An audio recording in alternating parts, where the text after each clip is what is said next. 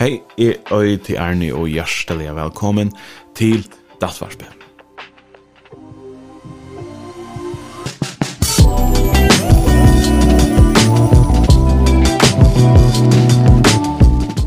Dattvarspe til er et poddvarsp som vi er framlagt her av Blagersheimen. Og det var besnur seg om eh, førlaga vending ui dialektiskare atfyrir terapi. Førlagane ui dat vi kjer spelen utrolig tydninga en loiklod. Hvordan kan jeg hantera støver som er troblar for meg og på en nødja måte? Det kan vi at læra med nødja førlagar. Og i de senaste vikene så har vi hukt etter helt nær som vi kallar for kjensloregulering.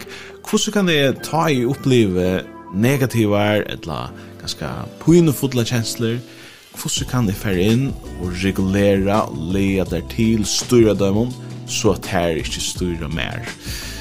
Hette faktisk det er den søgnaste forløgjen ui chancellor reguleringsmodulen og i praksis, hvis du lustar etter som personen og i takt som vi at tar komme ut, så merker det at vi får takka en syndra en stedje de kommande vignar inntil vi byrja på kreppo eh, module om så sånne gav Eh, men hvis vi skulle teka saman om kjenslereguleringsmodulet, så, så det første vi tok etter var hekta vi forholden under kjensler og fakta.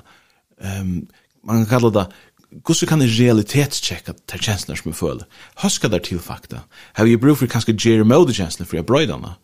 Så hukt vi dette er sånn, er det noen några ting som jag kan justera på rundan om liksom som till ehm eh chatnarna i trubblagen som är är kus jag behaglig känsla uppleve engineer är det några ting som jag kan göra för att göra mig själv starkare det vill säga så, så jag kan bygga mot motstå för det eller mot resiliens ta är så stand i i stövun som är känsliga obehagelig för mig. Så det kan være ting som kan jeg feste att uppleva mer positiva ting, så att jag upplever fler positiva känslor i min liv. Kanske kan det skall räfast om min virer som där hackre.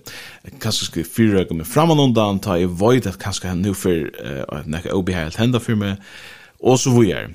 Kanskje er det noen biologiske eller lufrøylige faktorer som jeg kan justere på, så um, bedre uh, blir jeg takket medisin for mine sjukker, og så bruse som en minne eller slett ikke.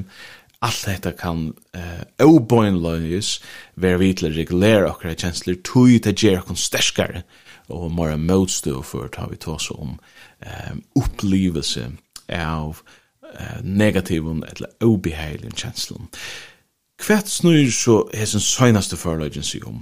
Han er på en måte synes ørvis fra, fra bauen hesen. Vi stedet for å fære bøgnløys inn ui kjenslen og sier, ok, gjer han den kjenslen av møyning og samband samband vi, vi fakta, er det nekka som jeg har bruk for at uh, justere på om min i etfer, så gjør. Så handlar hesen forløgjen som øyder vis kjenslene og løtene ans. Han handlar om um, helt einfalt at ruma kjenslene. Ikke pilla vi henne, ikke fære hana, henne, ikke ka vi hana, men bara sier hei til den som jeg opplever bare nå, og jeg leta koma og jeg leta fære. Til å si hei til en eller nær familie vi oppmerksomhetsforlager, vi mindfulness, at vi um, hva skal man säga stidla kom på en måte, att vi akra oppmerksomme, vi akra sinne lika som stidla kom på en helt avvis om måte, i vi fyra känsloly upplevelsen at vi bare bara lätta det komma färra. Tala sig att his forløgjen bitcher av en hookbur halde jeg godt man kan se. Og det er for det første hetta at vi minna och nå at vi är ju inte akra kjensler, men vi upplever akra kjensler. Det er å si at vi pjøvast ikke gjøre så som kjenslan sier at vi skulle gjøre. Så ta i øtten kommer opp og sier at nå måste flytja, eller kanskje leipa av, um, eller ta i vrøyen kommer opp og sier nå skal du leipa av, eller hver fyrir kjensla da så enn er, så kunne vi si at bare legge mest til hatt den kjensla som jeg har oppe nå, men, men det er bare en, en oppleving som er ferdig jeg pjøvast ikke gjøre så det som kjenslan sier. Vi kan fære opp at det gibri faktisk enn det, og si at vi kan virkjenne i og for oss selv at okra kjensler er her for å hjelpe okkur. Um, At okra kjensler reaksjoner sjalt om det er obeheilige er jo prinsipielt her for å hjelpe okkur at liva et betre liv. Det er her for å verja okkur, at fortelle okkur okkun alle tydninga miklar uh, opplysningar om til støv som vi stand i. Det er også at vi kunne trene oss i at hava en hukbor her som vi viser akkurat kjenslen viring. Her som vi ikke dømer akkurat kjensler som enten ringer eller går, men bare lete der være og sier kanskje enda sier takk for at du er her. Um, og til å si at vi, vi tar en hukbor av, um, av arbeidssemi, eller vi er villige affæren ut av, og sier ehm um, slag forvitne eller åpenlike eller vi det liksom fus at lusta etter okkara kjensla eller ikke, lusta for jeg gjerra som kjensla sier men, men bare sier hatt det den kjensla som jeg har på nu og er, er, er ok vi at til det som hender på nu til å si at hette kanskje det mest juba som vi kan si om etter er vi hava en hukkbor er radikalare aksept iverfyr okkara kjensla reaksjon Det kan godt være at det er en parser av som sier, jeg ikke ikke at oppleve sitt negative kjenslene. Og en annan pastor sier, det er ikke ok at jeg skal oppleve hette bort nå. Men vi kan velge at, ok, det har bort år, men at posisjonere oss vi okkara hukbore og i okkara oppmerksomme, at sier, jeg har radikal aksept fyrir at det som er bort nu, det er det som er bort nu. Og jeg pjøvst ikke færre nøyda, jeg pjøvst ikke trusta det borster, jeg kan bare lete det komme, og så lete det færre. Hvordan gjør man det så i praksis? Hva er det nå man lukka som skal gjøre? Det tilfell legger opp til at man kan skal visualisere opplivingene av eh til til negative obehagelig kjenslene. and man lukkar som teker at sti atter og legg bare legg mesh til kjensla og man kan umynda seg at kjenslan er som en alta som kjemur hon hon hon for upp upp upp upp upp og så för ner ner ner ner. og man kan uimynda seg at man er lukkar som en en surfer. att man eh, man rör en brimfjöl som det heter. Att man surfer upp på allt Att man är på man får upp upp upp intill man får ner Man är inte man vill inte lukka som evigt tidsna känslan hon kommer ju brusande och og lukka som eh, här man drucknar inne men man är ju pjäne. Ta mynten är eh, ordentligt. Ehm um, men det snurr sig om för det första at man ikke blokkerer eller undertrykker, undertrykker kjensla. Ja, jeg, jeg vil ikke oppleve det her.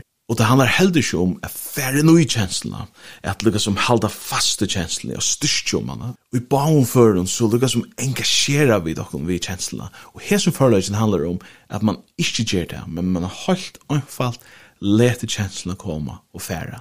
At man viser henne ans uiløtene som hun kjemur, eller man man man zoomar in. Det var en som samarbetar händan hända förlagan eller uh, som som säger det på mot han säger att hvis du körer vad ska man säga 100 gram av salt och i en kopp av vatten så fast du öliga salt uh, salta vatten så smakas vatten i öliga salt men hvis du körer 100 gram av salt och i en svimjhyl så smakar vattnet ikkje særlig av salt. Det er å si at vi kunne trene noen at ger okkur sjå større enn kjenslan på en måte, at ruma kjenslan. Um, og i måte, og den utøkselige måten som man gjør er å legge merke til hvordan kjenslan føles i kroppen. At man kan legge merke til hver i kroppen hendan kjenslan sitter, eller, eller djever seg til kjennar og man åpner seg fyrir tog opplevelsen og Kanada og higgnar i at du er forvittne, bæg kvossu det føles, men òsne kvossu lunge det tekur, inntil kjenslan at du har lagt seg. Og vet om du kanskje òsne egløya bæra, hva er det for tankar som er knyttere at disse kjenslene? Og er det nekka, uh, legger hun opp til nekka etfer, føler du nekka nekka som etfer er trångt og gjesnir. Legg bare merke til kvossu tankarna og enn den etfer er trångt inn, kjemur, og legg så merke til kvossu kjenslan vi tar man kroppslig arrinnon og synden tanken og at fyrir trångt at du legger seg at nå er litt løtt. Det er det som heis nir forløysen han, handler om. Ta i du opplever en obeheilig kjenslo, prøva bare vise henne hans, bare legg bare mest til henne. Rom henne, let henne komme og let henne fære atter. Ta legg du mest til, eller ungen kjensla værer i allar rævr, der koma og så fære der atter. Og til faktisk ordentlig viktig ting å vite. Så ofta, særlig ta i kjenslene er ordentlig og beheilige, så, så kan man, så kan man huske, hvor så langt for det være? Man får en sånn nesten irrasjonell tanke om at hette for å være i alle ræver, jeg må fikse det, jeg må få et bort fra meg, jeg må gjøre som den kjenslene sier. Men det pjøs man faktisk ikke. Man kan godt trene seg, og i helt anfallt av å vise kjenslene og i løtene ans. Det er hesen förlöjgen, hesen seinaste förlöjgen i känsloreguleringsmodulen. Jag vill bara personliga, men også vekna blogger seg med takka dig för att du har tøyma lust att til hesen personen, och kanske också i ødelen hinn personen og hesen, um, hesen modulen. Hvis du har några spårningar eller några vimersingar, eller vad det skulle vara så är det ordentligt att ha över i höra från här Skriv at må inn av arnekurla blogcross.fo Hvis du først inn av heimasyna tja Blakrossheimenen, så kanst du lese møyra om tøy eh, vidtjer som vid eh, vøyta. Eh, til innevitjer, det er døgn døgnvitjer, men til øyne utvitjer, det er seg ambulantvitjer. Det er nekka som vi tar ræfest møyra møyra søgnast årene. Og møyra smid, smidig, etla møyra fleksibel eh, vidtjer, her som folk kunne komme inn til førlag undervisning som hesa. Um, i två timmar om vikna så kunde jag färra attor till sitt arboj och till sitt liv annars. Det är ordet spännande. Hicka ett rockra till på hon här, visst du strujist vid rusrobläggar, eller visst du har rockra som du har ordet gå i som du gärna vill hjälpa så er är tillböjning her. Annars så är eh, Dattvarsby på sociala milen om vi där av Facebook men vi där av Instagram. Ehm um, her kan man også få samma vi också man er ho og annars få få att här nu just uppdateringarna her.